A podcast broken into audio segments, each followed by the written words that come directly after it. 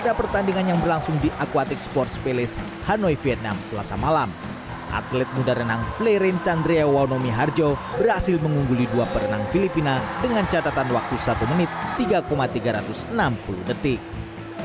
Fleiren sendiri merasa terkejut berhasil meraih medali emas di kompetisi internasionalnya yang pertama. Iya, dan aku juga baru masuk di Pelatnas itu tahun 2022 karena di tahun sebelumnya itu aku masih fokus di renang artistik. Meski berbahagia, pelatih timnas renang Indonesia Albert Sutanto tak kalah terkejutnya dengan hasil di luar dugaan yang diraih Fleren, mengingat Fleren merupakan atlet muda yang minim pengalaman. Flay ini kan dia baru debut ya, baru pertama. Kita tidak ada beban. Kemarin juga dua hari nangis, nangis saja. Banyak banget problemnya, takut dan segala macam karena ini adalah pertandingan internasional pertama. Sebelumnya adalah atlet renang indah. Jadi baru pertama kali ke luar negeri bertanding renang ya ini. Nggak pernah ke kecil apa pun di luar negeri belum pernah.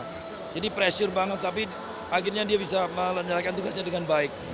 Di sisi lain, perenang yang selama ini menjadi andalan timnas renang Indonesia, Igede Siman Sudartawa, mengaku kegagalan mencetak hat-trick emas di SEA Games akan menjadi suntikan motivasi baginya untuk mempersembahkan hasil yang maksimal di Asian Games. Targetnya sih masih di Asian Games.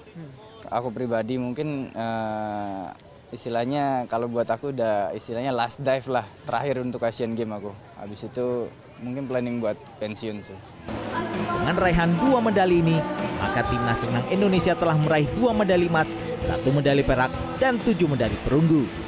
Diego Basro, Nugrah Endrianto, Hanoi, Vietnam.